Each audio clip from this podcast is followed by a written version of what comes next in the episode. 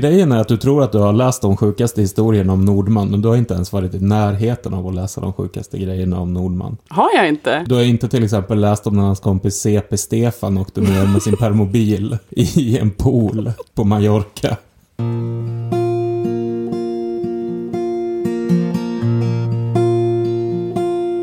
Välkommen in i mörkret Kom in, stick på och slå dig ner det är inget farligt, bara mörker. Alla hör men ingen ser. Välkommen in i mörkret.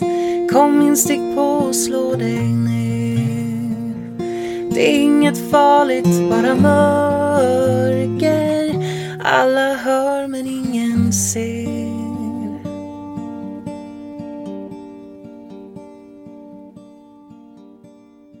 Hej och välkomna till Mörkret. Sveriges bästa podcast för hjärnsneda. Med mig Johan och dig Angelica. Så här, vi har varit borta i ett år och en dag. Har vi sagt att vi ska podda, men vi har inte gjort det. Exakt. Mm. Nu är vi tillbaka med ett avsnitt om Nordman. Ja. Och Det, vi ska göra någon sorts så här P3 musikdokumentär. Fast det kommer handla väldigt lite om musik, för jag tycker att hela så här musikgrejen är jävligt ointressant kring Nordman.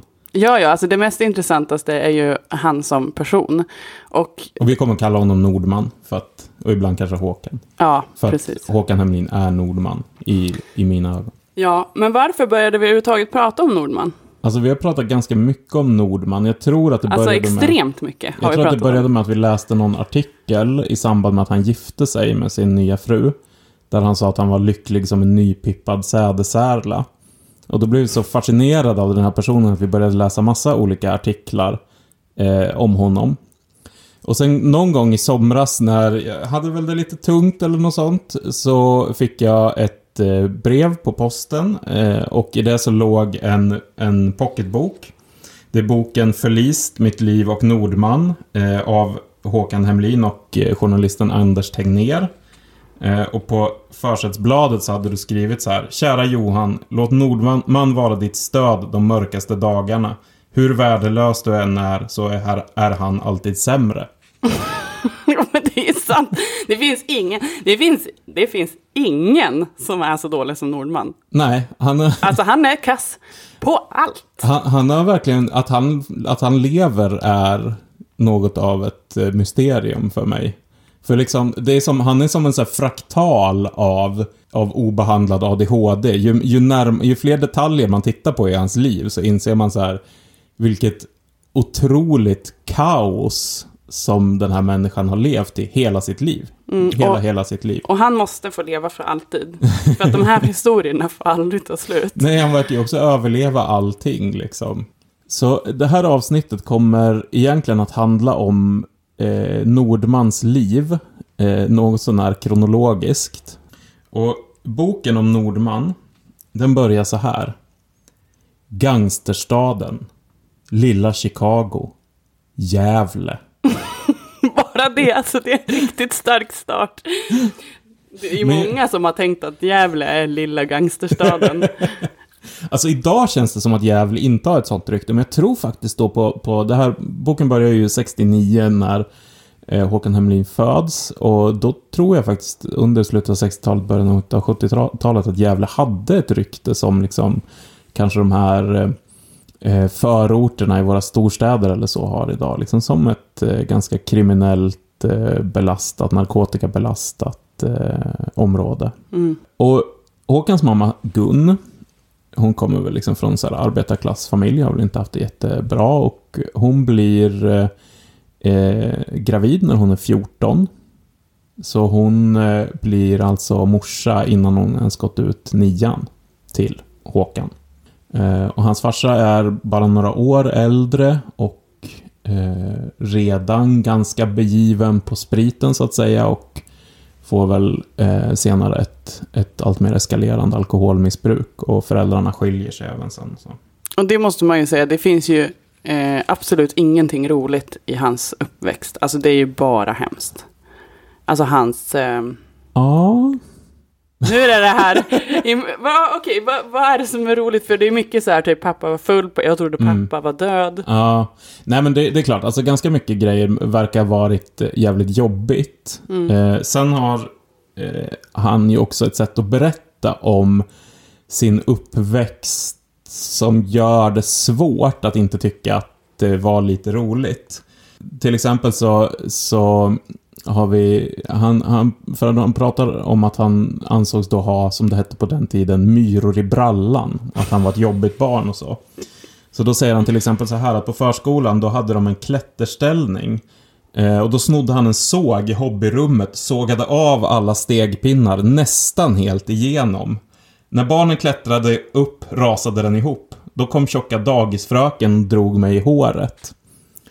Eh, han berättar också så här. Eh, han träffade en liten flicka, han var väl kanske typ 5-6 år och hon var typ 3-4. Jag träffade henne i lekparken när hon var 3-4 år. Hon lekte under en klätterställning och tittade upp. Jag stod på toppen och såg ett huvud sticka fram, så jag sparkade henne i huvudet. Och hon säger själv sen att hon... Eh, Håkan kom fram och sparkade mig på käften, läppen sprack och jag blödde som en gris och sprang hem. Det var första dejten. Det skulle bli fler. Jag, här, jag vet inte riktigt vad Håkans första fru hette. För att hon heter kanske Marita eller Maritta. Eh, Det är samma. Med TH. Jag, jag väljer att uttala det som Maritta. Maritta skulle bli mamma till hans barn, men det var först många år senare.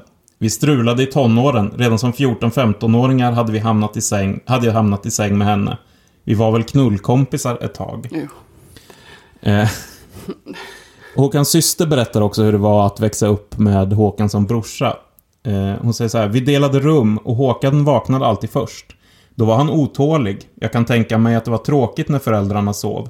De var morgontrötta och han var vaken utan att ha något att göra. Då tog han en röd byrå och ställde framför dörren så att vi inte kom ut. Sen slog han oss tills mamma och pappa vaknade. Då skre- skrek vi och då blev de tvungna att gå upp. Det var hans sätt att få uppmärksamhet. Han slog inte så hårt. Nej, okej. Eh, men Han- är det, här, är det här berättelsen verkligen om ett barn med mycket myror i brallan? Eller är det berättelsen om eh, en psykopat som barn? Mm, ja, han gjorde frukost åt mig en gång, fortsatte Veronica. Han hällde vetemjöl och ketchup i en tallrik och tvingade mig att äta det.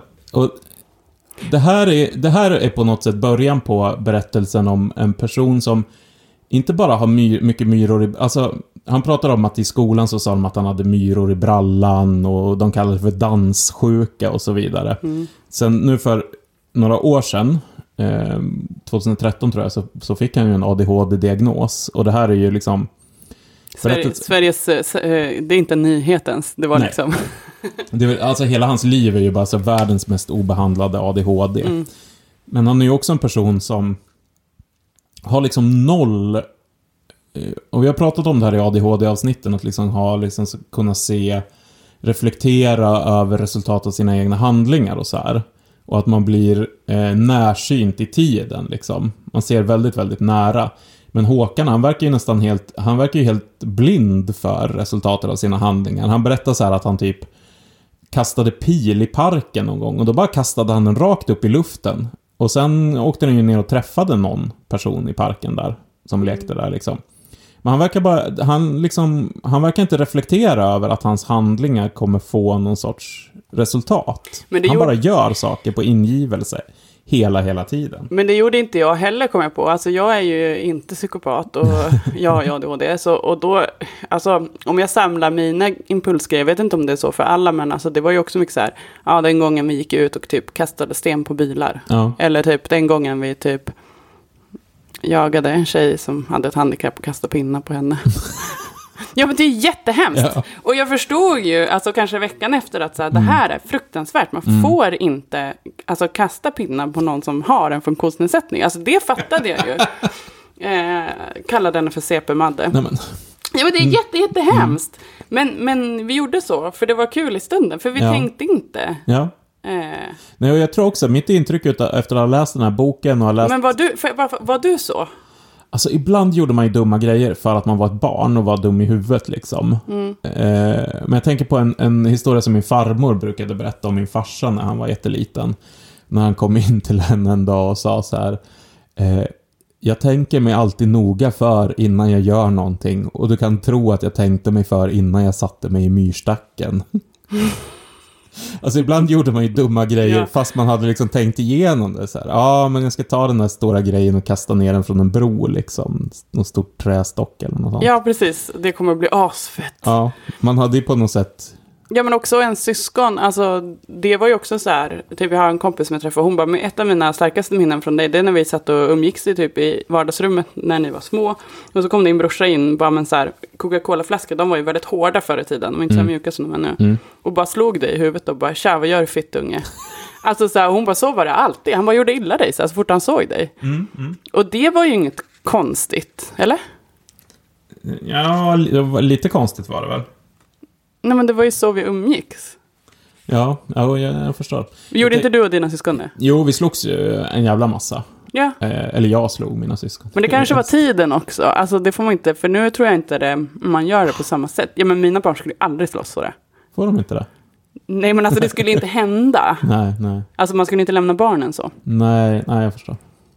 Nej, men jag, mitt intryck av Nordman är att han är inte en psykopat på det sättet. Han har Men gjort det här med mycket- sågen och steg. Alltså, han, han har gjort jävligt mycket dåliga saker som har skadat människor. Mm. Men han har sällan...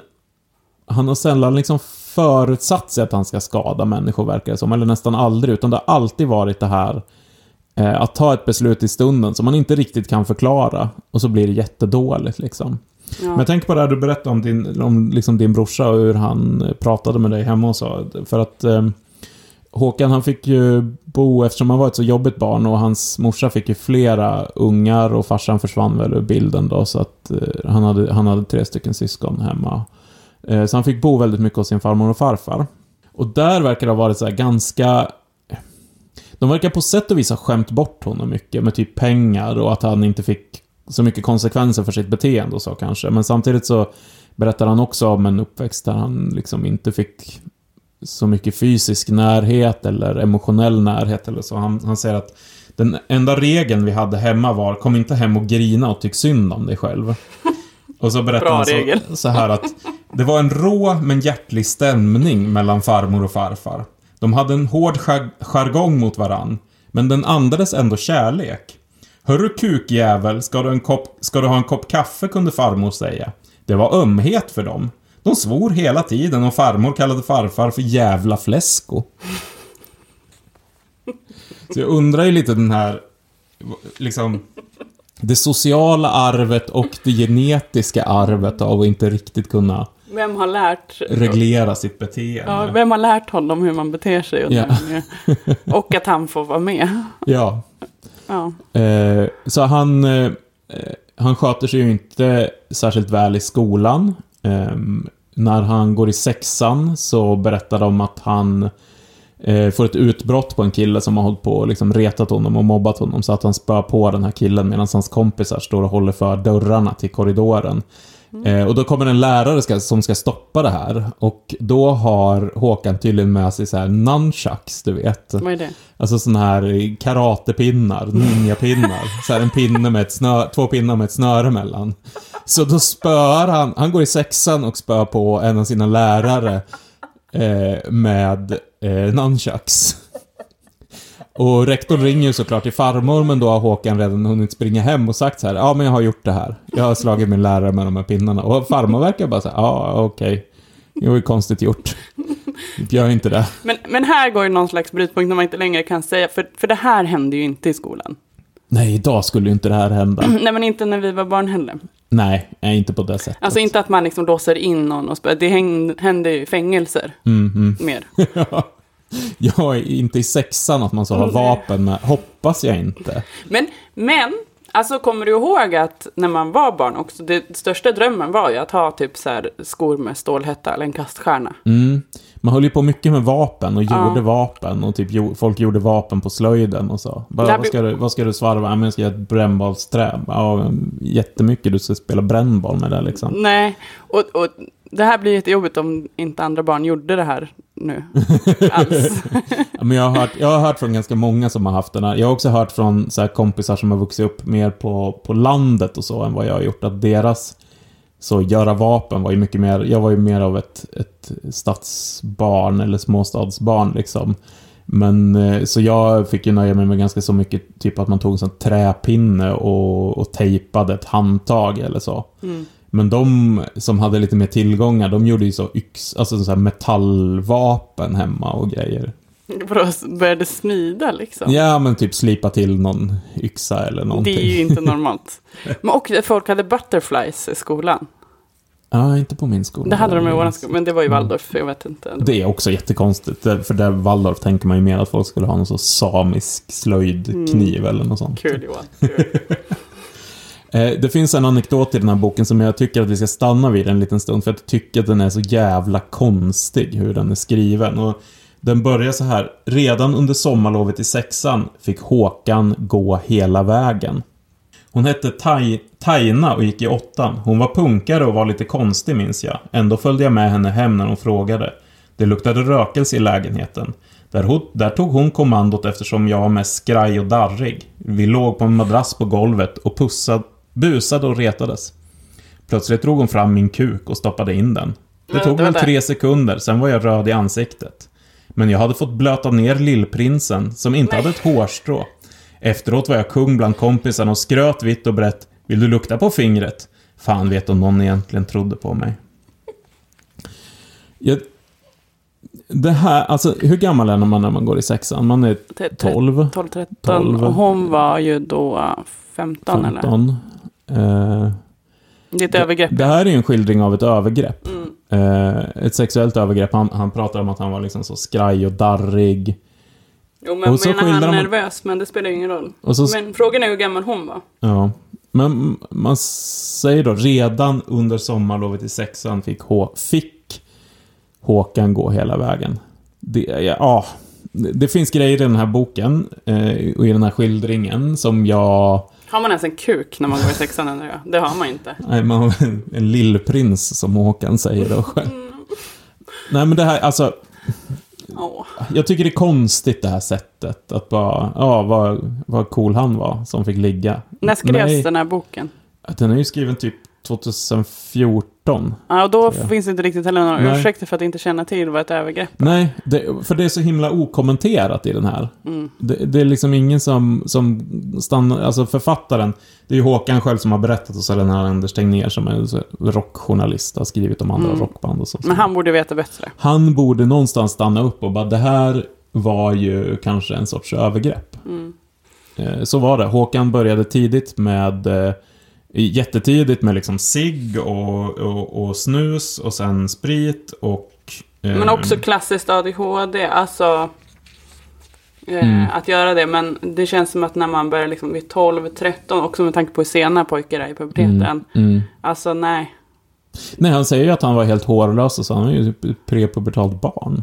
Ja, som nej. utsätts för ett Usch. sexuellt övergrepp. Ja, Av en, av en Av tjej ett- som i och för sig inte är jättemycket äldre. Men ett han är annat barn. äldre. ändå. Men Ja. han, Precis. Eh, men han börjar ju tidigt då med sex, med alkohol eh, och med eh, att röka på. mm. Då är han ungefär 13 när han börjar röka på. En annan grej som han börjar med jävligt tidigt, alldeles för tidigt, det är det här med bilar. När han är 15 så får han en egen bil. En, jag vet inte vem man får dem av, av hans föräldrar eller så. En gammal Opel Kadett som man kallar för Röda Bettan. Den här hade han ute vid deras sommarstuga och körde runt på gården, men eh, snart så är han ju naturligtvis ute och kör på vägarna och blir tagen av polisen. Eh, och då får han ju så här, ja, men då får han ju uppskjutet när han får ta körkort, vilket leder till att han hela sitt liv egentligen kör bil jättemycket utan körkort. Ja, och vad var det där? Det var ju något helt sjukt sätt han brukar hantera bilar genom hela sitt liv. Han, hade, eh, han har, och det framkommer jättemycket i den här boken, han har ett helt bisarrt förhållande till bilar. Bilar för honom, det är liksom slit och slängvaror. Han köper bilar hela tiden. Och det är inte så här lyxbilar, han köper så billiga skrotbilar hela, hela tiden. Och så kör han sönder dem. Och det, han är inblandad i så fruktansvärt många eh, bilolyckor. Han håller ju på att dö flera gånger. Eh, kör naturligtvis alltid påverkad. Eh, för han är i princip påverkad jämt. Och så går bilarna sönder och då köper han en ny så här, skrotbil för några sönder tusen. som krockar dem.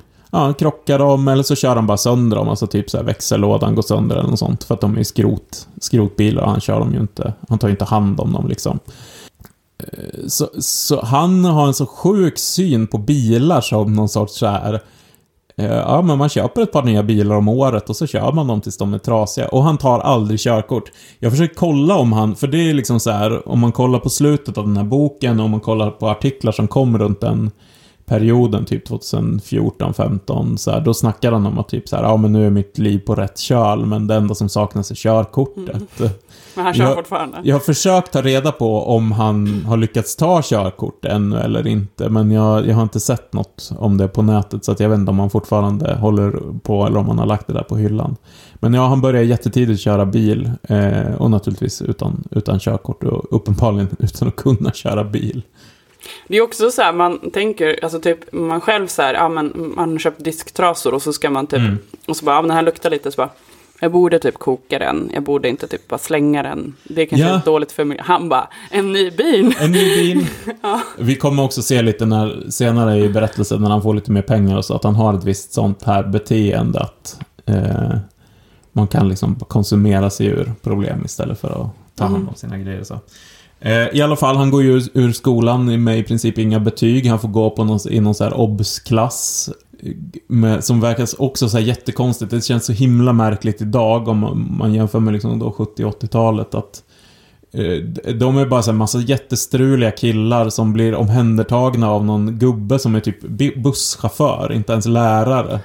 Och så, så tycker de typ att den här busschauffören är jätteschysst för att han typ låter dem dricka öl och låter dem hä- hänga med så äldre knarkare som har gått i obsklass förr.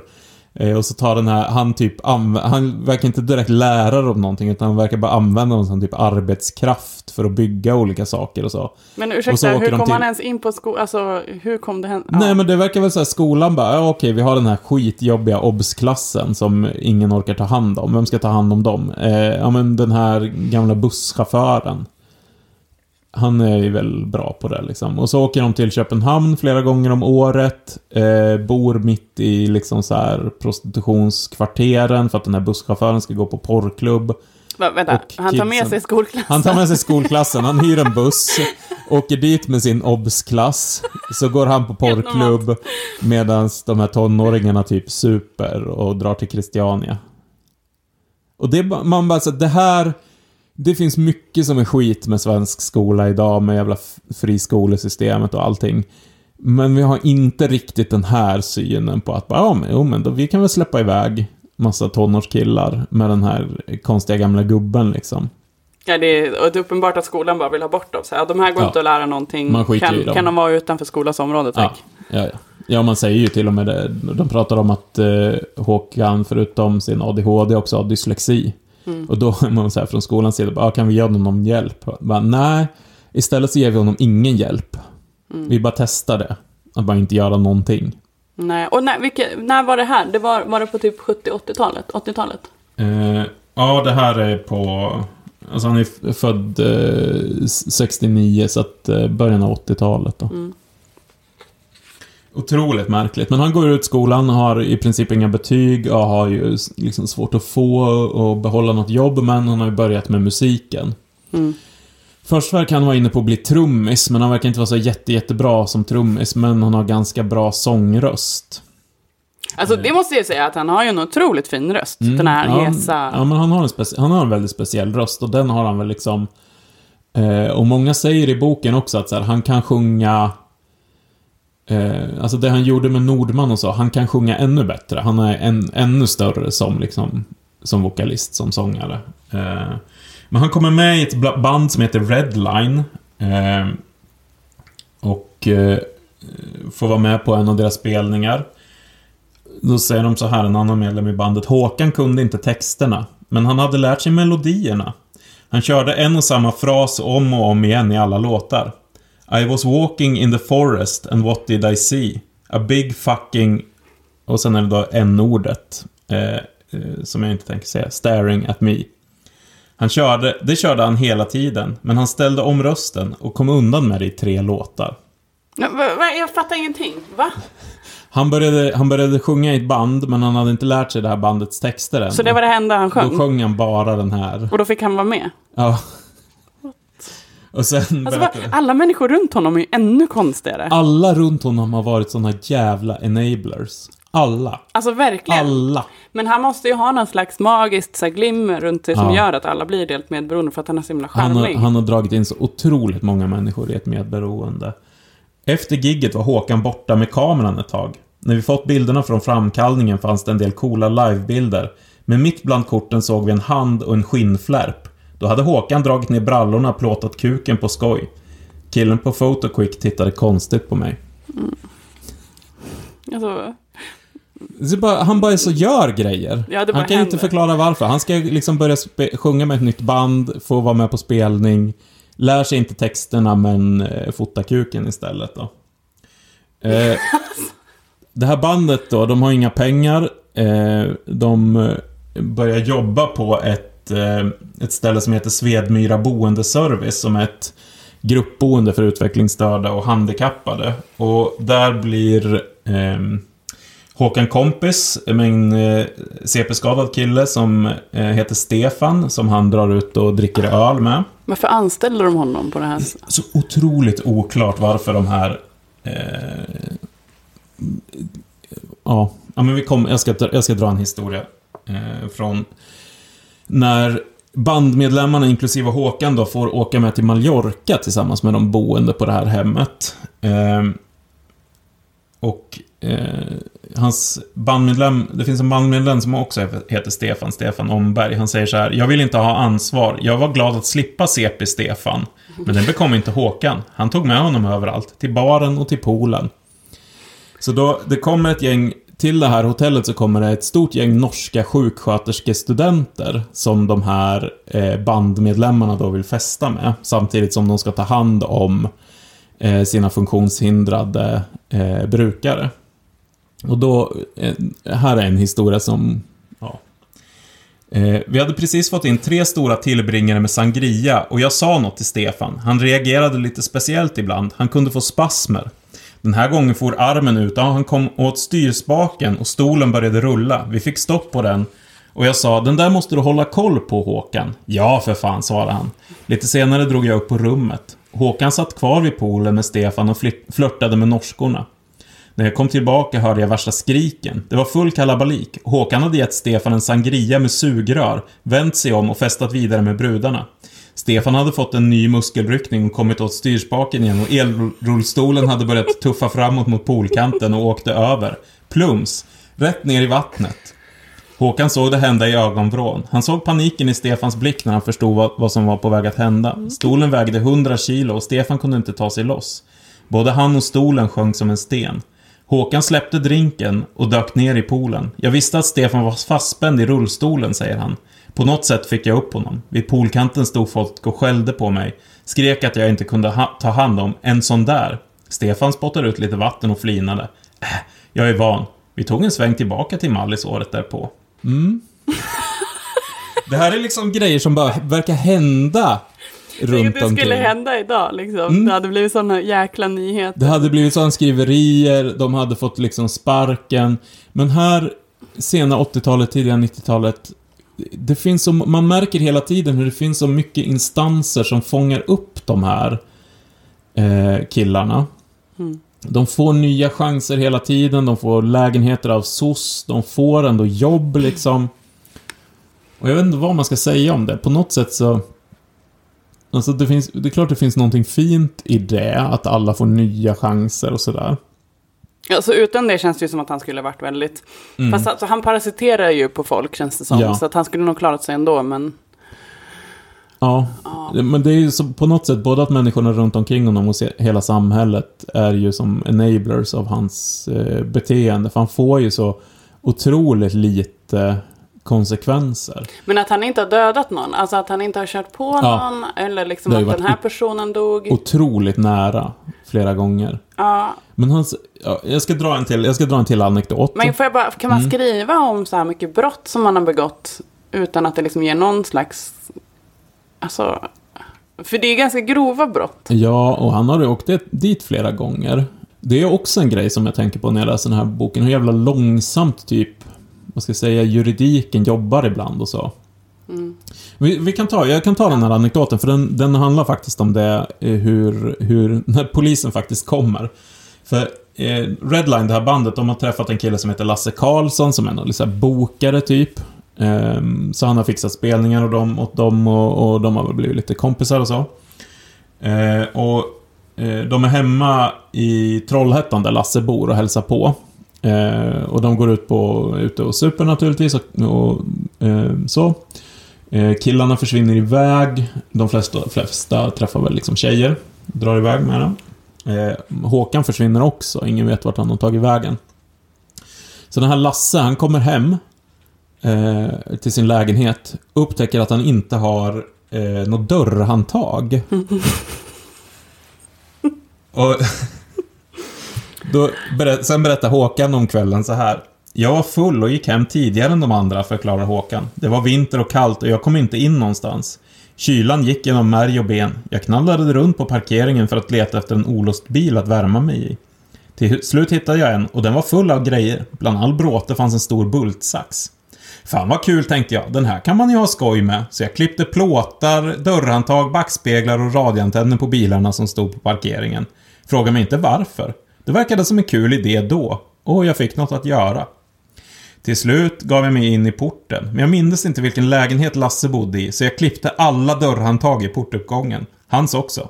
Sen ställde jag bultsaxen utanför dörren och gick in och la mig. Lasse stod handfallen vid dörren eh, innan han öppnade och gick in. Jag var ju också lite packad och fattade inte riktigt. Vad är det här? Jag öppnade dörren och där låg Håkan på golvet. Och det var skit överallt, olja och kladd. Eh, och sen eftersom Håkan då har klippt sönder alla bilar och alla dörrhandtag här, så kommer ju polisen också och hittar honom. Eh, och han får åka in i fyllecell. Men sen på kvällen, då är han så här, ja men vi ska ju spelning med bandet. Kan jag inte få komma ut, schyssta? Och då bara släpper de ut honom. Alltså det är ganska grov skadegörelse. Ja. Och det här händer liksom gång på gång i den här berättelsen, hur han...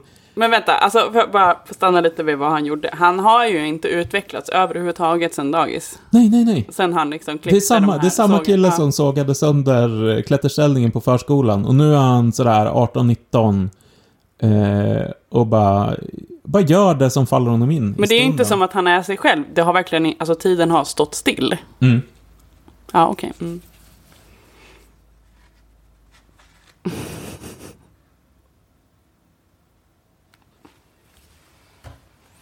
Eh, så han har ju hållit på jävligt mycket. Han har ju supit jävligt mycket. Han har eh, rökt djävulens sallad. Eh, men när han är sådär 20-årsåldern så hittar han sin nya favorit. Eh, och det är amfetamin. Eh, som han mår otroligt bra av. Och det han gör då, det är... Det här är också en återkommande grej i hela berättelsen. Han tycker väldigt mycket om att fiska. Så han drar ut och fiskar eh, och tar väldigt mycket amfetamin. Han säger så här. Jag kunde sitta och fiska klockan fem på morgonen och blicken fastnade på en sten. Där låg några och knullade tyckte jag. Jag såg allt möjligt och slutade blinka också. Och en konstig upplysning i allt det här, det är att han inte äter fisk. Han tycker inte om fisk. Så om han fick fisk, då släpper han tillbaks den. En sån ensam liten pojke, fast väldigt påtänd och väldigt jobbig.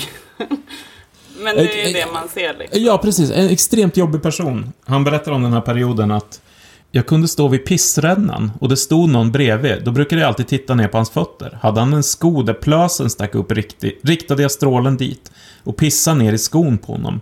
Det var kul att se hur länge jag kunde skvala innan han märkte något. Ibland var de ju så fulla att de inte märkte det alls. Eh, men de lär lär ha blivit blöta i skon. Varför, Håkan? Varför? Och, en återkommande sägning i de här kapitlen är att han åt amfetamin med sked. Jag vet inte så mycket om amfetamin, men jag vet inte om det, alltså om det här är bildligt eller om man faktiskt åt amfetamin med sked. Alltså som till frukost. Jag vet inte. Han, äh, de pratar om att han alltid har varit så. Han har alltid tagit mer än alla andra. Det kan man ju se framför sig. Han... En anekdot som kommer senare, det, och det är när han har gift sig med Maritta då. Eh, det är att han slänger i, han har fått tag på Viagra. Och då ska han naturligtvis inte ta bara en Viagra. Nej, utan då slänger han i sig tre Viagra. Och så tänker han att nu ska vi ha en hel kväll. Då kommer Marittas kusin förbi och så, så för han har liksom inte, han har inte checkat av det här riktigt med Maritta. Nej, för han har ingen planeringsförmåga. Nej, nej. Eh, så då drar hon iväg med sin kusin. Och då sitter han där i soffan, Nej men usch. ensam. På tre Viagra. Det, så verkar det vara liksom hela tiden. Och det, visst, det är lätt att skratta åt det här att han tar så jävla mycket amfetamin och åker ut och fiskar hela nätterna. Eh, det är ju konstigt och så, men det verkar också som att han... eh, Men alltså, vadå äter amfetamin med sked? Jag vet inte. Jag, jag, jag vill att vi ringer Nordman. Jag vill fråga. Vi kollar om man verkligen åt med sked. Nej, eller men jag kan tänka mig det. Alltså, det kan man ju. Man kan ju äta. Mm. Det förstörs inte i magen Nej, liksom. nej. Ehm, Han, men han börjar få så här typ psykoser och paranoia. Ja, det kan man ju. Han blir jätteparanoid. Eh, till exempel så är det så här en dag när han av någon outgrundlig anledning åker till IKEA, hög som ett hus. Jag stod vid möblerna och såg en utländsk kille komma joggande. Ingen, ingen joggar till IKEA resonerade jag. Man köper inte en möbel och joggar hem. Han är ute efter mig. Jag gömde mig bland blommorna och fick tag på en stor sax som låg på en hylla. Jag var ju tvungen att försvara mig. Han eh, sticker också hem till sin farsa en gång. Och då berättar hans bror som också då var där att han var livrädd och stod och kikade ut genom nyckelhålet och såg folk skruva ihop gevär i telefonkiosken. Han såg jävligt märkliga grejer. Efter en stund övergick det till behagligare syner när han glodde in i grannfönstren. Då såg han porr hos varenda granne. Alla knullade. I ett av fönstren stod en läcker, eh, och här använde hans bror n-ordet, och fl- flörtade och vinkade eh, till sig honom. Tänk om han hade gått över dit, har jag tänkt ibland. I den lägenheten bodde en rar gammal tant. Men också så här, alltså han har ju liksom ingen, alltså så här, för så här blir ju alla som tar mycket amfetamin eh, och är vaken länge och så här Mm. framförallt. Eh, och, och då blir man, de flesta eh, hö- alltså håller ju sig till andra som tar mycket amfetamin också av just de här orsakerna. Ja. För ingen fan står ut med Ja. en. Och för att man själv inte vill vara så paranoid Mm. bland folk. Men han, han liksom, ja men, han är ju så utåtriktad. alltså han fortsätter umgås liksom med sin familj, han liksom Mm. går och bryter liksom mitt på parkeringen, allas dörrar, allt ska Ja. bort liksom. Ja. Han har liksom ingen besinning i... Nej. Han har så otroligt lite gränser. Stefan Omberg, den här killen som han spelar i Redline med, berättar så här. Tänk vad bra han hade kunnat haft det om han skött sig. Han hamnade ju helt snett.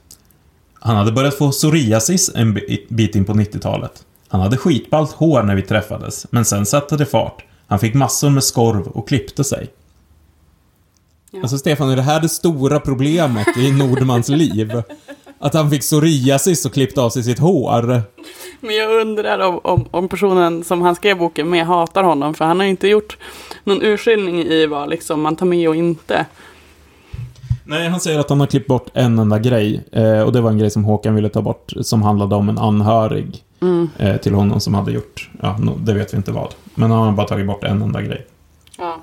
Men i den här vevan, när han håller på att spela med Redline och så, så träffar han eh, den här Mats Wester som är, som vi sa, musiker men också väldigt duktig folkmusiker.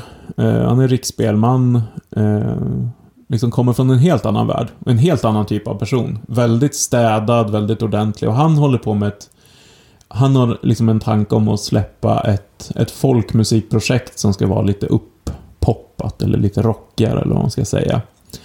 Eh, och då får han höra Nordmans röst och tänker att det där är eh, den perfekta rösten för det här projektet. Men ägaren av rösten kommer att överraska Ägaren av rösten visar sig vara Sveriges jobbigaste person. ett jätte, jättestort problem. Och ett stort barn. Ja, och ett av de stora problemen när de börjar jobba med det här projektet, det som då blir eh, Nordman, eh, det är att Håkan bara vandrar iväg. Det här är också återkommande, något som alla berättar, att man, man får liksom inte släppa honom med blicken. Man kan släppa honom med blicken i fem minuter. Och då har han dragit. Som ett barn alltså. Ja, han springer, alltså...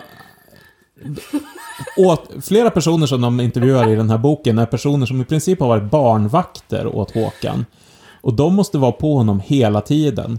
Eh, för annars så springer han iväg. Och då är han borta. Då kan han vara borta i flera veckor. Och det här kan vara liksom under tiden som man till exempel har studiotid för att göra en platta eller så. Men det är ju eh, alltså obegripligt hur, vad heter han, den andra personen i Norman? Eh, Mats Wester? Ja, hur den här Mats Wester har ju liksom dragits med Håkan hela sitt vuxna liv. Ja. typ. De har också Alltså- typ gjort slut flera gånger. eh, För att Mats har ju verkligen inte stått ut med Håkans beteende. Nej, men hur här, "Du såg han ens sluta." ut en dag? Alltså, hur kan han ens liksom... Men han är ju också en person som har blivit så otroligt medberoende.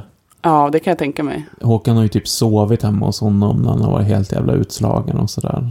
Så otroligt medberoende. Jag tror till och med de pratar om att han har gått i terapi och så. För, för liksom sitt medberoende. Alltså, det är så starkt. Men, men mm, Håkan var ju fortfarande i ett missbruk då. Ja, ja. Ja. Så, och det har man ju läst att han, eller det har jag läst att han mest var liksom typ hög, satt inne på toan och typ knarkade Mm. och sen gick han och sjöng några Ja. rader. Han alltid, eh, när de uppträdde och så. Han uppträdde, jag tror aldrig han uppträder liksom opåverkad. Men då kan det ju vara typ eh, liksom att han har rökt på. Och det Ja. verkar han knas, knappt betrakta som att vara påverkad. Mm. Utan mer som liksom självmedicinerad på något sätt. Bara, ja men jag måste funka. Ja. Eh, under den här perioden när Nordman eh, börjar eh, bli en stor grej, då, eh, han har, då träffar han den här Maritta igen, som han har haft ett förhållande med som tonåring. Eh, och de inleder någon sorts relation. Och när han är på fest hemma i Gävle så kommer han på att jag ska fria till henne. Och det går till så här. Eh, jag stal en olåst barncykel och drog över till henne. Jag slog knäna i styret hela vägen dit. Jag gick inte ner på knä, vi satt i soffan och jag frågade Vill du gifta dig med mig? Hon sa ja. Det tände till ordentligt och jag tyckte det var lika bra att gifta sig när man var kär. Det hela gick väldigt fort. Eh, Varför sa hon ja? Men jag kände henne sedan tidigare. tidigare. Jag lämnade tillbaka cykeln nästa dag. Man ska inte sno cyklar av barn. Tack för lånet. Alltså, varför sa hon ja? Ja, alltså hennes relation. Alltså, och de verkar ju få ehm, en otroligt problematisk relation om man säger så. Eh, mycket våld från båda Ja, eh, sidor. Från, från han då. Från, han slår henne, hon slår honom. Eh, jag skulle tro att han är, är värre våldsam på så vis, men... Ja, alltså om det är en man och en kvinna och han Mm. slår, då är det troligtvis att Ja. hennes är självförsvar. Han är Ja. i alla fall aldrig i ett underläge. Ja, nej, precis. Nej. Och, men de har en så otrolig... Hon, hon berättar ju sen till exempel att han hela tiden håller på och hotar dem att ta livet av sig. Och någon gång springer han ner i källaren och säger att han ska hänga sig och då springer hon efter och säger att hon vill titta på så att han gör det ordentligt och så. Så alltså de har ju en otrolig... Ja. Det, det är en väldigt, väldigt destruktiv relation. Eh, Nordman åker ut på sin första turné. Eh, gör första spelningen i eh, Slottsruinen i Köpingshus, där hemma där jag kommer ifrån. Eh, någon har fått för sig att de på turnén ska ha runstenar av frigolit, säckväv över monitoren och trummor i ett stenrös av plast på scenen. Ja. Eh, han har tydligen en otrolig scen... Alltså, han studsar runt som det omedicinerade ADHD-barn han är på scenen. Någon skriver så här, sångaren Håkan Hemlin både låter och ser ut som en smedslärling som bränt sig.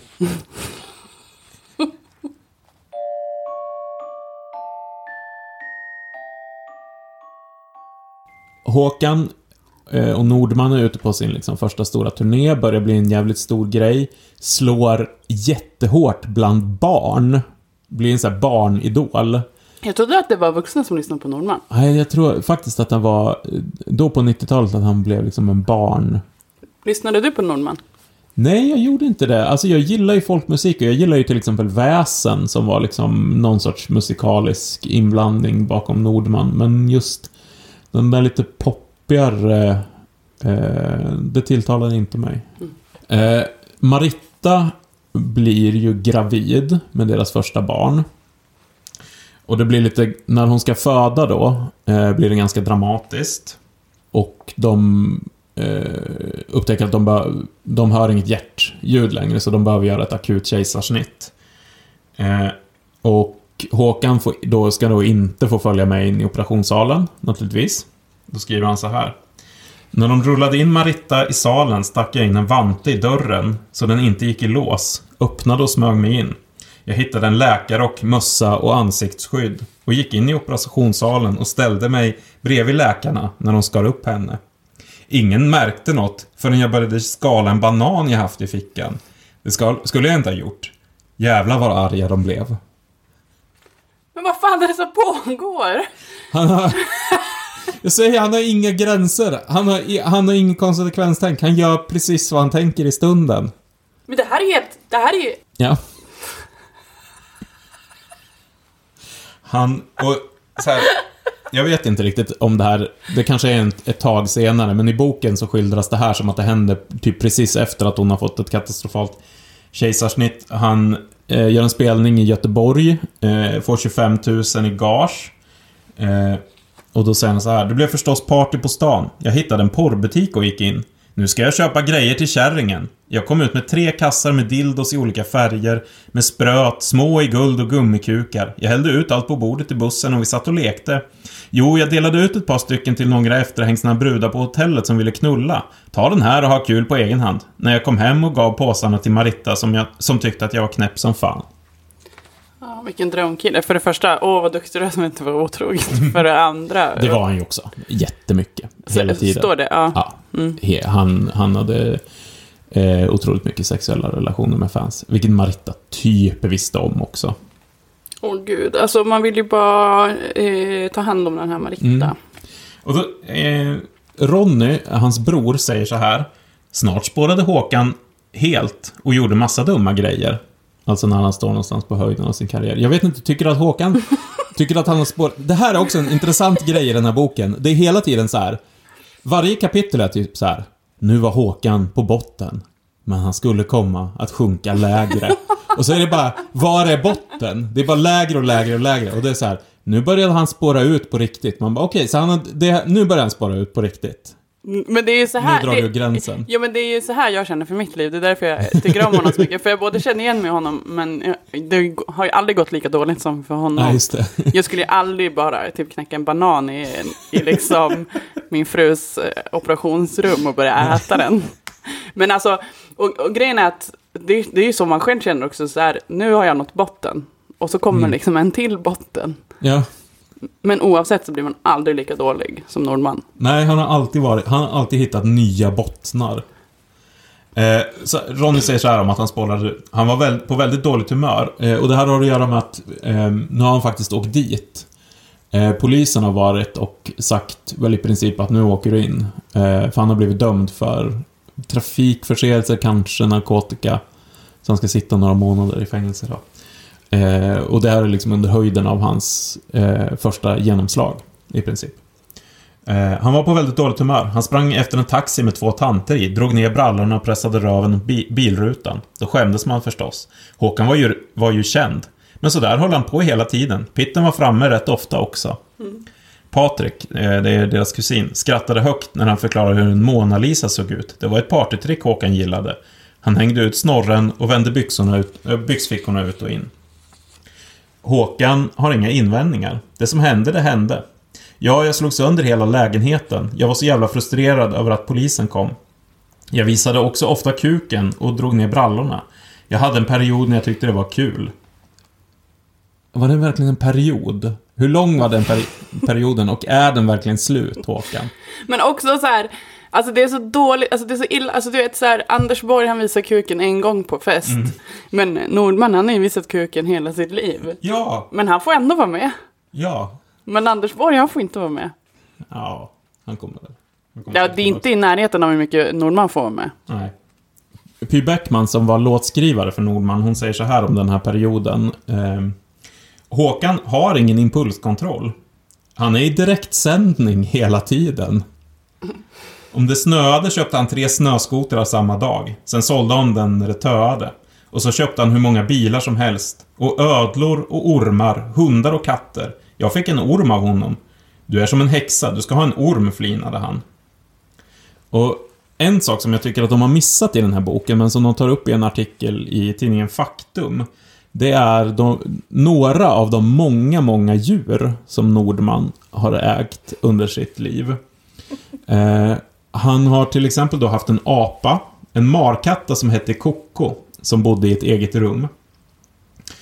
Eh, han älskade att käka Läkerol. Eh, han gillade mig, annars hatade han folk, särskilt sådana med glasögon.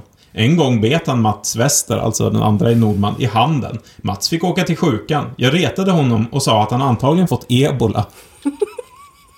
Han har också flera ormar. Hans favorit var en tigerpyton som var nästan fem meter lång och hette Dr. Fräs. Jag matade honom med levande griskultingar och vädurskaniner. Ursäkta, här måste vi stanna. För det här historien höll på att ödelägga mitt liv, Johan.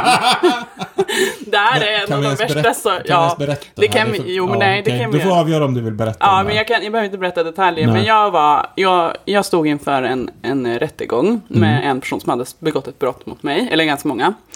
Mm. Eh, och jag... Vi hade pratat om de här djuren som Norman har och haft Mm. väldigt roligt. Jag hade döpt om dig till... Vad var jag hette? Du hette Dr. Fräs och Ja. jag hette Apan Koko Ja. i våran chatt. Och så skulle du sammanställa som vittne Ja, till min advokat. Att, att jag sa då att jag har ju massa chattloggar där du har berättat eh, varje gång, eh, inte varje gång, men du har Men om berättat brotten, om de här brotten, när de har inträffat och vad som har hänt. Så jag eh, sammanställer dem. Jag gör ett, ett ganska stort jobb, går igenom eh, flera månader utav chattloggar och så drar jag ut allt det här. Eh, och så skickar jag det till, till ditt eh, juridiska biträde. Alltså, det här är så... Och eh, hon blev väldigt glad och tyckte det var väldigt bra. Eh, och sen hörde hon av sig och sa så här, men eh, kan du kanske göra, alltså går det att hon heter Angelica i de här skärmklippen istället för Dr. Fräs? För det kan vara så mycket att liksom förklara i domstolen det här med varför hon heter Dr. Fräs och hela kopplingen till Nordman och hans djur. Alltså hur kunde du göra så här? För det här var ju ett möte jag var tvungen att ha med henne. Vad ska vi göra? Det står Dr. Fräs. Ja, men du hette... Hon bara, vem är det? Jag bara, jo, det är så här att Norman hade väldigt många djur och en av dem var Dr. Fräs. Alltså du vet, och jag har behövt ha hela det här samtalet. Och hon var ju jättestel advokat så här och bara, mm. men alltså hon bröt ju ihop. alltså, och jag tror att efter det här har hon haft svårt att ta mig seriöst också. Det var ju någon gång hon sa, ja, okej, ha det bra Dr. Fräs. alltså hur kunde du göra så här? Jag tycker att i, för, för att någon frivilligt ska lägga en eftermiddag på att sammanställa bevis så tycker jag att jag har fått väldigt mycket hat och hugg för min insats. Ja, du fick göra om allting också. Ja, jag gjorde om allting. Ja, och nu är hela åtalet nedlagt. Det enda Mm. såret som finns kvar i mig, det är att på den här advokatbyrån säger jag Så är Dr. du- Fräs. Alltid känd som Dr. Fräs. Mm. Eh, Nordmans sista viktiga djur, det var en, en hund, en eh, eh, Cane Corso tror jag man uttalade, som han kallade för eh, demon eller demon. Demon. De, demon, vi säger så. Mm. Han föddes död. Det tog tio minuter innan jag fick liv i honom, därav namnet. Vadå därav namnet? Okej. Han var lite underlig. Han kunde stå jättelänge och bara stirra rakt in i en vägg. Ja, för att han var hjärnskadad. Här borde vi ha med en sån Petra-dokumentärklipp. Och spela upp. Okej, så vi har en jättelång orm, apan Koko och en dödfödd hund, dödfödd Ja. hund som heter Demon. Ja. Och det här, är, det här är bara några utav de djur. Ehm, men han, alltså han, han börjar ju liksom så här eh, få väldigt mycket pengar. Och att få väldigt mycket pengar, han får också så här typ svartpengar för, typ, för merch kopplade till Nordman och sådär. Så han får liksom bara pengar i fickan, massa tusenlappar. Eh, och då, eh, en grej som händer till exempel är att hans tvättmaskin går sönder. Och då kan man ju tänka sig att har man, har man massa pengar så är inte det jättesvårt att lösa. Hur skulle du lösa det om du liksom Ja, köpa ny liksom. Ja, Nordman och Marittas lösning, det var ju att åka och köpa jätte, jättemycket kläder. Så att de hade hela källaren full med liksom kläder. Så att när kläderna var smutsiga så kunde man bara slänga dem och gå ner och ta nya kläder. Alltså stackars Marita. Ja. Du, Maritta, hon verkar också ha varit ganska så drivande i det här med att eh, spendera Nordmans pengar. Någon gång var, berättade de till exempel att de skulle åka och handla och då var de så här, äh, men fan, lyckas inte fälla ihop barnvagnen eh, för att få med den i bilen. Eh, ja, men vi åker dit och så köper vi en barnvagn för 15 000 på plats. Mm. Som vi kan ha där. När vi Åt, återigen, jag relaterar till Nordmans liv på ett sätt som är väldigt jobbigt. Ja, gud.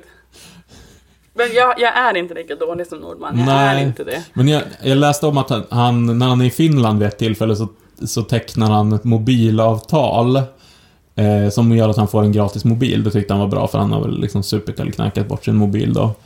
Eh, kommer på att det här mobilavtalet funkar bara i Finland. Eh, och då tar han mobilen och, alltså istället för att häva avtalet så tar han mobiltelefonen som han har fått och kastar den i sjön. Ja. Som, eh, och då tänkte jag lite på dina olika mobilabonnemang och bredbandsabonnemang och, och sådana grejer. Vad, vad är det här? Vad är det här? vad har jag gjort dig? Jag, har- jag har väl ingen massa abonnemang? Hade inte du ett bredbandsabonnemang som i en lägenhet där du inte bor längre? Ja, men det är ju inte mitt fel. Nej, okej. Nej. Gå vidare Johan. De, grejen är så här, ja, det är en sjuk grej att köpa typ jätte, jättemycket Levi's jeans så att man aldrig behöver tvätta. Men grejen är ju att han har så mycket pengar så att han börjar köpa massa hus också. Eh, Men alltså kan man bli så här rik i Sverige på att vara Nordman? Alltså det är det jag Ja, inte fattar. alltså han gick... Han, han var så jävla stor. Han fick jättemycket pengar. Eh, så han... Eh, han, så här, han köpte ett, ett hus i Skutskär. Och sen ett nytt hus i Söderfors. Sen en lägenhet i Brynäs. Sen några olika hus i Skutskär. Eh, Marita säger så här. Han skyllde alltid på möblerna. Att det luktade illa. Ja, att det var fel på allt. Eh, hans bror berättar så här. I Söderfors började mannen med tummen mitt i handen, alltså Håkan, att snickra själv. Det såg för jävligt ut där sen. Håkan erkänner sig skyldig. Visst, jag sågade upp väggen för att göra platt-tv av tjock-tvn. Jag hade många idéer, rev trappräcken och allt möjligt. Men det såg inte bra ut. Eh, Ronny berättar. En gång skulle han suga upp bensin ur en tank. Han ville inte få bensin i munnen så han hämtade dammsugaren och körde ner röret i tanken. Sen stod han där och funderade över varför det började brinna. Han skulle renovera och, och sågade ner bärande bjälkar. Huset blev snett och vint efter något år. De som bor där nu har fått sättningar i huset efter en eftersom en takstol har sjunkit in. Det var visst svindyrt att åtgärda. Och då ska man komma ihåg under hela den här tiden som man köper extremt mycket liksom prylar och kläder och hu- hus och naturligtvis hela tiden håller på att köpa bilar. Så köper han ju också knark för typ 2000 om dagen. Men det är också så frågor hur mycket han knarkade. För alltså han tog mest amfetamin och rökte braj. Alltså vet du hur Ja. mycket det är om man spenderar 2000 om dagen på det? Ja. Sen vet jag inte om det var när de snackar om 2000 per dag. Dels så hittar han ju på och ljuger hela tiden. Ja, alltså han Liksom. känns ju som att han kryddar ganska Ja, mycket. och sen så tror jag att han passar på att bjuda jävligt mycket. Just det, han för att, för att när han hade växel till exempel, då brukade han ju bara kasta den. Ja, Alltså han slänga. ville aldrig ha liksom eh, några 20-lappar eller något sånt. Nej. Då, då bara slängde han det. Mm. Eh, och han, var, han hade väl jävligt mycket folk runt sig. Som han gärna ville bjuda. Ja. Sprit och knark och, och allting. Köpa grejer och liksom vara schysst kompis, så att säga. Men det här kraschar ju till slut och det är ju för att eh, han är så jävla oberäknelig. Alltså han kommer inte på spelningar. Eller han, han super och knarkar sönder sig så att han inte kan eh, spela. Jag tror att det som till slut här blev eh, liksom sista spiken i kistan är att han är med i något morgonprogram på TV4. Där de verkligen säger nu måste du... Du får inte vara full, du får inte vara hög. Du ska vara med live i TV4 liksom. Eh, men så är det sådär fem minuter när ingen liksom håller Håkan i handen. Och då har de tydligen sprungit in på en toalett och petat i sig någonting. Och är svinhög i sändning, vilket ju märks liksom. Och då säger väl Mats Wester att där går det inte längre, vi kan inte liksom hålla på. Men då hade han liksom haft tålamod i några år. Då hade han haft tålamod jävligt länge. Ehm, men ehm, då kraschar väl liksom allting. Ehm, och pengarna försvinner. Just det. Men hans livs, han fortsätter ju den livsstil som han har haft. Mm. Och hur, exakt hur han får ihop pengar, det är jävligt oklart. Han får ju lite så här spelningar och så som solo men det är ganska bränd i Sveriges musikscen också. Det är ganska många som liksom inte vill ha med honom att göra. Eh, som lånar jävligt mycket pengar. Eh, av kriminella. Maritta berättar så här. Jag hade alltid en stor kofot eller ett baseballträ innanför dörren. Så levde vi i flera år. Rätt som det var kunde det komma en indrivare och slå en yxa i dörren. Jag fick stå och hota folk med kofot och mota ut den. Det var snubbar han var skyldiga pengar eller knark eller någon bil. Hade de barnen hemma? Ja, Fan vad hemskt. ja. Så 99 är väl någon, någon sorts low point eh, i hans liv. Då har, då har ganska mycket kraschat. Eh, och då börjar han med någonting som han hela tiden har tänkt att det här har jag sett andra göra. Det här är någonting som jag aldrig kommer eh, börja med. Eh, och det är injektionsmissbruk. Eftersom han är Håkan Hemlin så börjar han inte med det här på ett normalt sätt. Utan på ett jättekonstigt sätt. Och det här är också beskrivet i den här faktumartikeln. Ska jag läsa du, det? du kanske kan läsa upp det för oss. Okej. Vattnet krusade sig runt Håkans ben när han vadade ut i sjön bakom pappersmassefabriken i Skutskär. Mm. Inte långt från den fina villan han köpt några år tidigare. Byxorna smetade åt kring benen när han hävde sig upp på stenbumlingen. Men det viktigaste, sprutan och amfetaminet, hade klarat strapatsen. Här ute, flera meter från land, kunde han vara säker på att inte bli störd när han tog jungfrusilen. Det var första gången han injicerade drogen och till skillnad från tidigare när han hade sniffat i sig pulvret, obs eller ätit det med sked, slog det till direkt och lugnet infann sig. Det var precis vad han behövde. En paus från allt kaos. Det här sa ju du när vi läste det här. Alltså det, det var vad du sa, är det, är det lilla sjöjungfrun? Gävleborgs egen lilla sjöjungfru. Sitter på en är, det, är det han? Nej, det är Håkan Hemlin som tar jungfrusil. Det är så konstigt, för varför skulle han ut i sjön och knarka? Varför gjorde han inte ordningspruten innan han gick ut? Ja, Han satt där på sin sten. Allt, alltså konstigt. Ja. Och, Tänk de som går förbi. Men det står, det står en man där ute. Är det Nordman? Vad gör det, ju, det är den jättekända artisten Nordman. Ja, han sitter i en ste, på en sten i den lokala sjön och knarkar. Alltså det är hemskt. Det är som du sa i början där, så här, det här är hemskt. Badar ut. Men det är också roligt.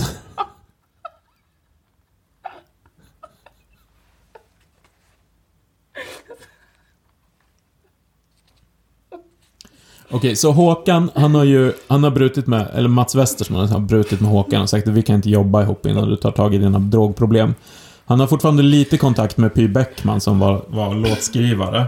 Eh, hon säger så här, han ringde ibland och ville diskutera saker, som svart magi och Alistair Crowley. Okej. Han sov i min bäddsoffa flera gånger i början av 2000-talet. Vid ett till tillfälle satt han ute på tomten och lyste med min ficklampa på, på tallarna en hel natt. Han var helt fascinerad. Sen somnade han i badet. Jag fick väcka honom. Han vek sig som en fällkniv i min stol, satt och sov med huvudet på knäna. Jag bäddade i soffan och han la sig. Sen låg han raklång och orörlig i flera dygn. Ja, han hade tagit en överdos alltså. Och hon bara, ja, Ja. okej. Ja, fint. Fint. Fin historia. Verkligen. Eh, Ja, alltså nej. Varför var det ingen som låste in honom kan jag känna också? ja, varför får Alltså han han inte- var, han har sovit i flera dygn bara. Ja, han håller väl typ på att dö. Ja, varför... Ja, det är så många som bara, nej men det är Håkan, han håller alltid på sådär. Mm. Han, under den här perioden när han har jättesvårt att få spelningar i Sverige så får han ändå en del gig i Finland. Tydligen var Nordman jätte, jättestora i Finland. Eh, slog aldrig igenom i Norge, vilket hade att göra med att man på den första skivan hade ett sånt här julkors, alltså ett, ett kors med en ring runt. Mm. Eh, vilket vissa tolkade då som en, även i Sverige så tolkade vissa det som en rasistisk symbol. Det var ingen sån tanke de hade. Men i Norge blev det jävligt känsligt för eh, det här, just det här julkorset var symbol för Vidkun Quislings nationell samling, alltså Quisling-regeringen under den nazistiska ockupationen. Ja, nej, det vill man Så det blev ju verkligen, alltså mycket av de här ryktena om att Nordman var rasister ehm, verkar ha kommit ganska mycket från Norge. Alltså, han har inte gjort det bättre heller i och med sin bok när han skriver n-ordet hela tiden. Nej, eh, sen tror jag på sätt och vis att så här, han, alltså Mats Wester har ju sagt så här, jag är socialdemokrat, jag har absolut inget, inget till övers för rasister och även Håkan Hemmelin har ju sagt typ så här att, ja men jag hatar eh, Sverigedem, eller så inte hatar, men jag tycker inte Sverigedemokraterna har något Nej, men alltså han är väl liksom bara obildad liksom i det han Ja, säger. Mm. han... Eh, Han är inte PK direkt. Nej, då, för då börjar han istället prata om så här, ja men jag tror att det är så här Bilderberg-regeringen, det är 150 personer som bestämmer över hela världen, det spelar ingen roll vad man röstar på och så vidare liksom. Så han är ju en jävla knaspelle, men han verkar ju genuint inte, alltså... För jag har ju läst på den här boken, jag har läst ganska mycket intervjuer och så, jag har liksom aldrig hittat någonting som skulle tyda på att han genuint skulle ha några så här rasistiska åsikter om människor. Nej, om man utöver att tänker... vara liksom dum i huvudet. Nej, om man tänker ju liksom... Ja, men någonstans där under är en väldigt fin kille. Och det är hatat jag tänker. det är för att, jag antar att det är därför alla håller på och liksom... Ja, men han, han verkar ju ha också den här väldigt snälla, Ja, fast han är ju charmiga... Jo, men han är ju en kvinnomisshandlare. Ja, jo men det är han ju. Och Ja. han gör fruktansvärda saker och han, han snyltar på alla människor i sitt liv på något sätt. ja, och blir först- liksom buren Och som någon förstör allting påtänd Frodo Ja. till. Men han får lite spelningar i Finland. Ehm, och där så inser de ju också att så här, okej. man måste vakta Håkan hela tiden. Vi kan inte släppa honom. Eh, någon gång är det någon av hans liksom barnvakter som är med honom på färjan från Sverige. Och säger så här, han satt i hytten med två packade estländare. Han sa inget, satt bara där med stängd mun och såg konstig ut.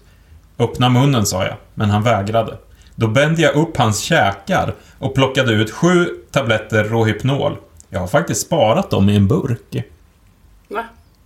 Har han det? Ah, Ja, den här finnen då, som Va? var hans barnvakt. eh, och- Det är jättekonstigt också. Det är en jättekonstig upplysning. Det är också konstigt att han så bänder upp hans mun som på en hund, liksom. Ja, så, Vad har du tagit? men, och så var det här. Ja, det är Håkan Hemlins Rohypnol. Ja. Va, varför har då? Men- Ja, det är en nationalskatt. En gång så tänker de att okej, han- Håkan ska åka hem till Sverige. Vi, kan väl bara, vi sätter honom bara på färjan. Då, då kommer han väl hem. Eh, Nej, men Några då, dagar senare ringde rederiet. Ni måste komma och hämta Hemlin. Nu har han varit ombord på båten i flera dygn. Då hade han legat och slaggat någonstans när de la till och missat att gå av båten i Stockholm och åkt tillbaka till Finland. I flera dagar. Vi fick ringa kontor, en kontakt i Stockholm som gick ombord och tog med sig Håkan i land. Så tydligen var det så, tre dagar så försökte han gå av i Stockholm. Men naturligtvis är han uppe och super och knarkar hela nätterna, så på morgonen så somnar han och när han väl vaknar då, då är färjan på väg tillbaks till Finland. alltså, så irriterande person. Visst, Oerhört irriterande. Vad ska det är vi min göra? absolut värsta personlighet, för han är en så kaosmänniska. Han är fullständigt kaotisk. Ja, och det känns ju inte som att han, alltså det känns ju som att man bara, förstår du vad du har gjort? Och han bara, ja, och så går han iväg. Ja. Alltså så, att det liksom går inte in heller. Nej, ingenting går in. Han, han... Eh, alltså han liksom får så många chanser, han räddas så många gånger, han får komma tillbaks och liksom göra spelningar. Och så är det så här, nu får du in... Du får inte supa och knarka ner dig nu, du måste komma hit. Nej. Nej. 2013 inträffar kanske den konstigaste perioden i Håkan Hemlins liv. Det är då det börjar spridas ett rykte. Och Expressen går ut med rubriken Nu pratar sångaren Håkan Hemlin ut om kärleksryktena. Nej, jag är inte förlovad med Christer Pettersson. Förstår du vilket dunderpar det hade varit? För då har... Christer Pettersson har tydligen flyttat till Skutskär en period. Och då har någon bara så här. Nej men han är ihop med Håkan Hemlin. De är ett par nu. Eh, Håkan Hemlin, han har en 16-årig flickvän som är gravid. Eh, och han, de, de tre ska flytta hade han ihop. det? Nej, Nej. nej. De tre ska flytta ihop och eh, eh, Christer Pettersson och Håkan Hemlin ska bli fosterföräldrar till det här barnet. Men varför har det här blivit en nyhet? För, ja... Hade inte Håkan Hemlin gått ut och dementerat den så hade ju ingen kommit ihåg det här konstiga ryktet. Men nu tänker man... Alltså det måste ju varit så många som när de såg den här rubriken tänkte Ingen rök utan eld. Mm. Mm. Men umgicks de eller? Nej. Nej. Han sa att han aldrig träffat honom. Okej. Ja, det är väldigt märkligt. Men inte det mest märkliga i hans liv kan jag känna. Han mår ju... Eh, han är ju fysiskt medtagen av att ha levt ett sånt här liv. Han eh, berättar till exempel, han, periodvis så äter han ju ingenting. Han är bara vaken. Eh, och han tar lite vad som helst. Eh, har han inte nog med amfetamin så blandar han ut det med till exempel tandläkarbedövning. Och eh, tar.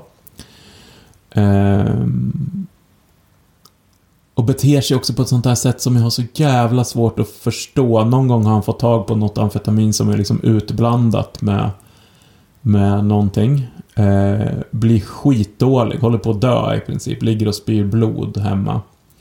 Ambulanser får komma och plocka in honom. De lyckas liksom rädda livet på honom. Eh, och så kommer han hem.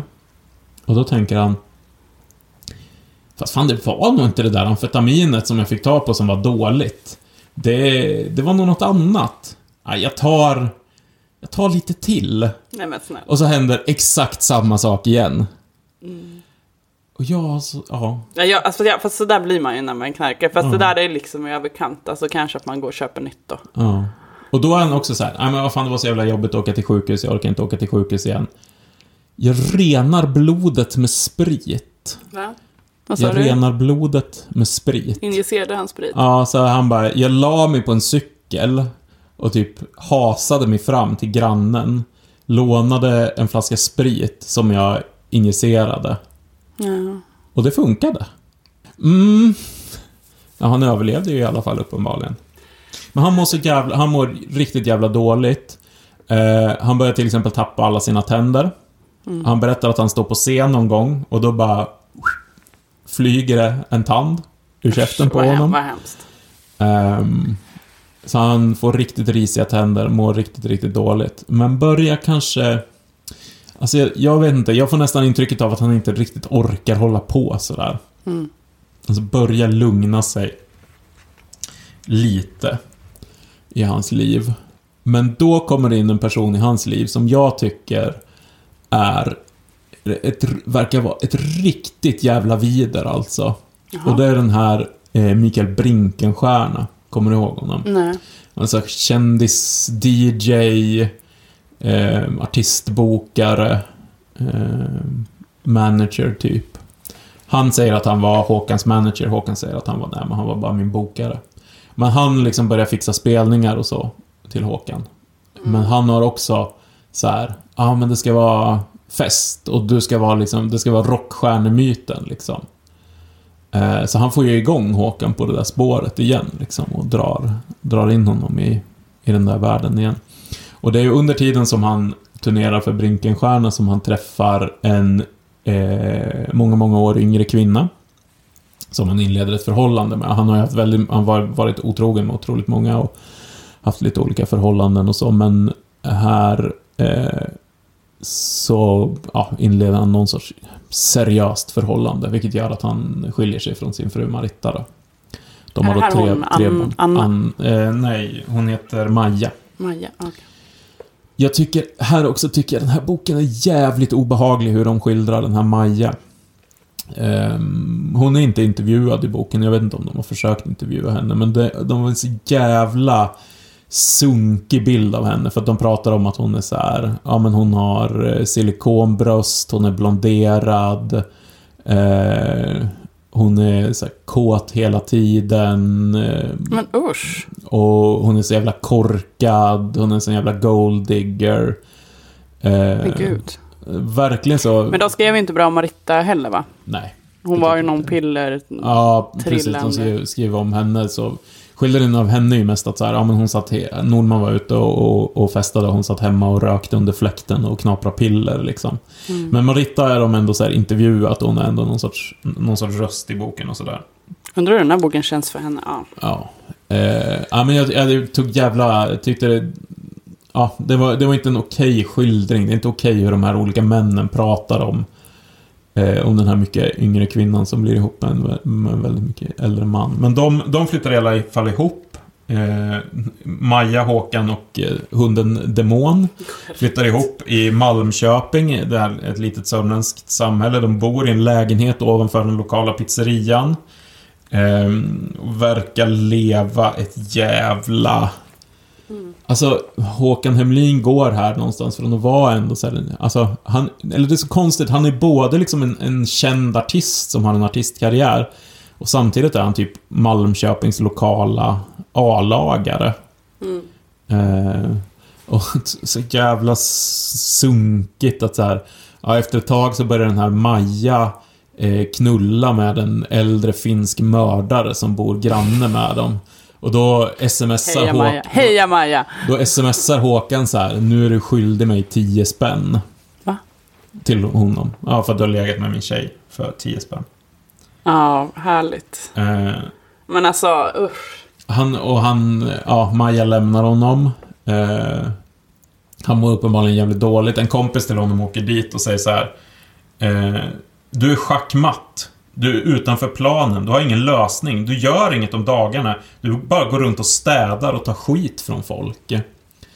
Eh, för då är det tydligen så att då, eh, han lever så extremt sunkigt liv. Samtidigt har han, har han inrett den här lägenheten väldigt, väldigt noga. Han har snöat in på att åka runt på typ loppisar och köpa så här gamla möbler och grejer. Och så städar han hela tiden. Har Återigen känner igen mig otroligt mycket i Nordman.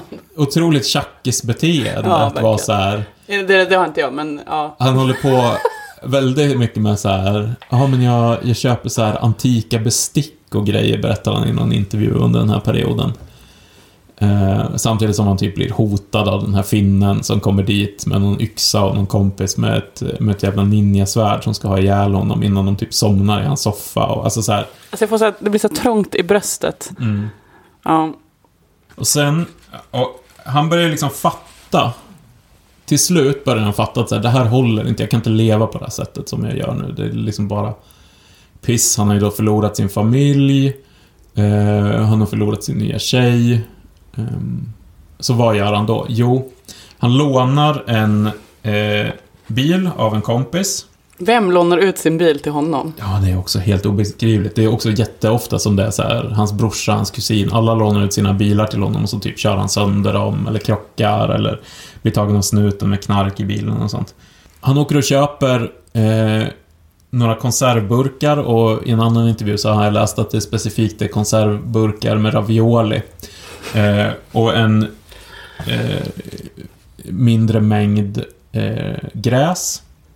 Sen så kör han rakt ut i Marmaskogen. Jag tror det ligger där, typ där han bodde, alltså Gävle, Gävleborgstrakten någonstans. Han kör rakt i Marmaskogen tills växellådan på bilen rasar ihop. Då börjar han gå och går och går i flera timmar ut i skogen. Jag letade upp en bäck med vatten och hittade ett älgpass med press, pressändningar. Då hade jag tak över huvudet. Där låg jag och tryckte i åtta dagar och lät giftet gå ur kroppen. Om jag skulle få en behandlingsplats behövde jag lämna prover som visade att jag inte hade amfetamin i kroppen. Jag var, så less på människorna runt mig. Det var skönt att vara helt ensam mitt ute i skogen. I faktum står det så, tända av med tio burkar ravioli. Så han, han sitter ute i skogen, käkar kall burk ravioli, dricker bäckvatten och tänder av. Så otrolig person. Ja. Alltså, Och sen, eh, sen när han vandrat ut ur skogen igen, som kommer som någon jävla skogsmumrik utvandrande ur Marmaskogen. Och då får han faktiskt eh, plats på behandlingshemmet eh, Nämndemansgården i Gälla, utanför Uppsala. sluta! Det har jag också varit. Ja, jo, jag vet. Nej, lägg av. Så där sitter han och där, där eh, blir han faktiskt drogfri. Och Alltså vet du hur det här känns för mig att vara lik Nordman? Det är inget kul. Det är inget kul. Alltså du, har, du känner dig ju inte lik Nordman. Nej, jag känner ju att han är min totala... Ja, men jag liksom känner ju att jag- mardrömsmänniska. Ja, men jag känner ju att så här, ja, det här har jag också gjort som Nordman gjorde. Vet du hur hemskt det är, eller? Men har du varit på älgpasset? Nej, jag hade, jag hade, på det sättet hade ju han mer självbevarelsedrift än vad jag hade. Ja. Och hur bra känns det då, tror du? jag lyckades ju aldrig tända av när jag knarkade. Nej. Men i alla fall, eh, efter det här så vad, vad vi vet. Eh, jag tror, han har inte varit ren från eh, alkohol och eh, eh, marijuana helt. Men det verkar som att han i alla fall har hållit sig liksom hyfsat ren från, från amfetaminot och så som ju har varit hans stora drog. Ja, för det har inte varit några nya skandaler. Nej. Eh, och eh, sen så träffar han ju en kvinna. Lite märkligt hur de liksom blir ihop. Eh, hon kommer lite mer från så överklassbakgrund. Det är Anna, Ja, det är Ja. den kvinnan, Anna då. som man är ihop med nu också. Fru. Eh, och hon säger typ så här, när han uppträder någonstans och då säger hon, ja men hon hon ska jag ha, han är så jävla snygg. Då ska vi komma ihåg att han har själv beskrivit sig som att han ser ut som Gollum då liksom. Ja, eller vad också säger, jag hade tjejbyxor på mig och såg ut som en tandlös mört. Ja, Okej. men hon, hon, ja, hon vill vara med honom och de verkar få en, en bra relation och genom den relationen så verkar han faktiskt och eh, genom att han får en ADHD-diagnos som han då börjar medicinera för sin ADHD. Det måste ju vara mycket det, va? Ja, jag skulle tro att det är säkert en nyckel. Ehm, och han eh, ja, verkar komma till ro på något sätt. Och har ju gjort en del musik som har blivit liksom ja, tagits emot väl och så. Så kan man ju tänka sig så här att okej, men nu nu får han väl ha det bra liksom. Men då inträffar någonting eh, den 9 september 2012. Jag var hemma hos Annas mamma i Herrljunga. Vi skulle sova där efter ett gig med Nordman i Folkets Park som jag och Anna hade styrt upp och jag gick ut på natten för att gå på toa. Jag var sömndrucken och vinglade väl lite i mörkret. Till saken hör att jag alltid sitter ner på toan. Eh, Skitkille. Ehm, hemma i Stockholm har vi toan till höger och jag fick väl för mig att jag var hemma och jag gick och satte mig. Men han var inte hemma och till höger hos Annas mamma fanns trappan till nedervåningen. Håkan hade dragit ner kalsongerna, satt sig med ryggen mot avsatten och störtat bakåt längst ned för hela trappan. Oj. Jag vaknade när det small till. Jag låg med brallorna nere på golvet och skrek av smärta. Jag hade krossat skulderbladen. Det var som ett pussel av benflisor.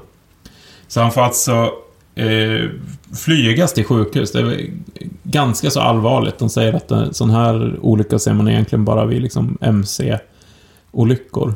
Jag tycker det är så märkligt att den här mannen som har kraschat bil efter bil efter bil, klarat sig med jävla skråmor,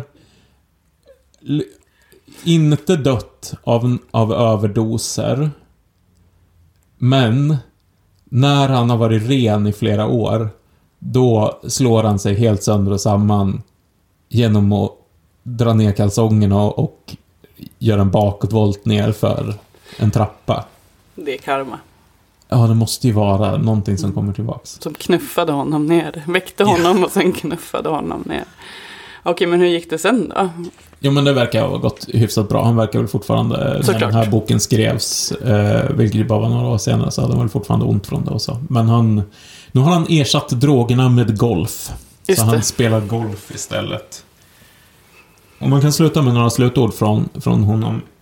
Jag önskar inte min värsta fiende att leva det liv jag har levt. Det var bara ett förvirrat, skruvat, ansvarslöst, egocentriskt och självcentrerat liv. Jag har aldrig menat något illa, men det jag höll på med, det drabbade andra. Jag tog skydd bakom lögnerna och bedrog både mig själv och min omgivning. Jag rättfärdigade mitt eget beteende. Blev jag anklagad kändes det som ett påhopp och då kom lögnen till mitt försvar. Det ty tycker jag ändå någonstans tyder på att han idag har någon sorts självinsikt. Han vet att han har skadat andra, han vet också att det här beteendet, att han ständigt har ljugit. Och frågan är om han fortsätter göra det. Ja. På något sätt hoppas jag ändå... Jag vet inte. Vi kan prata om min upplevelse av att läsa den här boken. Men Ja. jag, jag, på något sätt känner jag ändå... Man känner ändå för, för Håkan på något sätt. Ja, men det är ju helt stört. Ja. Alltså, Man blir också ju... som medberoende. Ja, alltså du har inte ens pratat med människan, du är ändå medberoende Ja. nu. Ja, för man önskar Varför ska du känna man? så Det är en kvinnomisshandlare. Ja. Och du, om någon, är ju jättehård mot folk som begår Ja. brott. Alltså Ja, du vet, verkligen. bara att någon kör liksom och Ja. en gång, då får de inte vara med. Nej. För att så gör man bara inte. Och alltså, för, för mig när jag läste den här boken, det var ju på många sätt som en så skräckroman. för att han är ju, han, det han har stått för i sitt liv är ju så totalt motsatsen mot det jag står för. Eh, det, det jag vill vara. Han är ju en så kaosmänniska. Jag, vill säga, jag blev ju mer fascist av att läsa den här boken. Nej, inte fascist, stalinist. Ja. Alltså, det, det är ju sån, det beskriver ju sådana miljöer. Som han är någon gång när han är så här, ja, jag var ju här i det här området mycket i Gävle och knarkade. Eh, det var ju jävligt jobbigt, folk sköt ju på varandra och ingen ringde polisen och så. Eh, och det var många som typ slogs med yxor och sådana grejer. Men det var ändå mysigt där och de hade bra knark. Men det är så skildringen av de här miljöerna, de här människorna, alltså det här samhällets jävla bottenskrap. Då blir jag så här, vi behöver tio år av stalinism och att folk, att det finns någon sorts läger dit människor kan få åka för att lära sig att koncentrera sig. Nej men sluta. Men, gud vad du är hemsk. Gud du är hem- Nej men alltså Johan. Det, här, det, rä- det räcker med ADHD-medicin. Mm. Ja, kanske är det som behövs. Ja men tänk om han hade fått det när han var barn. Ja, precis. Tänk om man hade vetat eh, på 80-talet att det inte finns något som heter myror i brallan eller danssjuka, utan att det heter ADHD och att det faktiskt går att behandla. Men å andra sidan känns det som att han har också, det är inte bara ADHD utan han har ju den här mörka anknytningen när man knyter an till en stol och tror att det är ens förälder typ. Ja. För att man inte liksom har ingen orientering överhuvudtaget. Ja. Och en extrem version av det här att inte kunna se några konsekvenser av sitt beteende. Han har som aldrig lärt sig det, som man ska lära sig i vuxen ålder. Nej. Att... eh, Och på något sätt är ju också det att han har alltid klarat sig på. Han har alltid kommit tillbaks. Mm. Eh, Det har säkert varit för jävligt för honom eh, många gånger. Och jag vet inte hur man ska se på det, just det här med hur många chanser samhället har gett honom, hur många chanser människor runt omkring honom har gett honom och liksom, ja, vad det leder till. Alltså man undrar ju vad han har gett tillbaks. Förutom Ja. manipulation. Eh, Nord, Alltså- Nordmans underbara musik. Ja. Nej men jag, ja, men jag håller med. Liksom, vad, så här, vad kostar en sån här människa? Mm. Eh, inte bara liksom i pengar. Vad så kostar han emotionellt för sin omvärld? ja men det är ju det som är, blir medberoende. Att så här, alla tar liksom brödsmulorna och liksom, ja men så här, vad tillför han i den här situationen? Alltså Ja. verkligen bara problem. Ja. Bara problem. Men han är ju en fin kille under allt det. ja. Så han kan väl få vara med. Varför? Varför? Låt han gå iväg. Ja, man kan ju någonstans tänka sig att så här. Borde han... Var det bra för honom att få en musikkarriär som innebar att han drog in miljoners miljoner liksom? Och att folk hela tiden räddade upp honom och ja, Ja, hela den här grejen dött- med så här artist, artistmyten och liksom Ja, att man bara så accepterar det beteendet för att det förväntas utav eh, kreativa människor och i vissa fall som är liksom den här Brinkenstjärnan och så, liksom till och med späder på det att så här, ja men du ska vara en rockstar. Men hade han, hade han varit en kvinna hade han ju varit typ Leila K. Mm. Ja, Han hade ju inte, alltså det hade ju varit stängda dörrar Ja. överallt. ja. Jag tror inte han hade fått komma tillbaks så, på det Mm. sättet. Eh, som han ändå har gjort eh, gång på gång. Vi finns på Instagram. Där heter vi Mörkret Podcast. På Facebook heter vi Mörkret Podcast. Jag finns på Twitter, att ordförande Johan och du finns på Instagram som Angelica Ogland.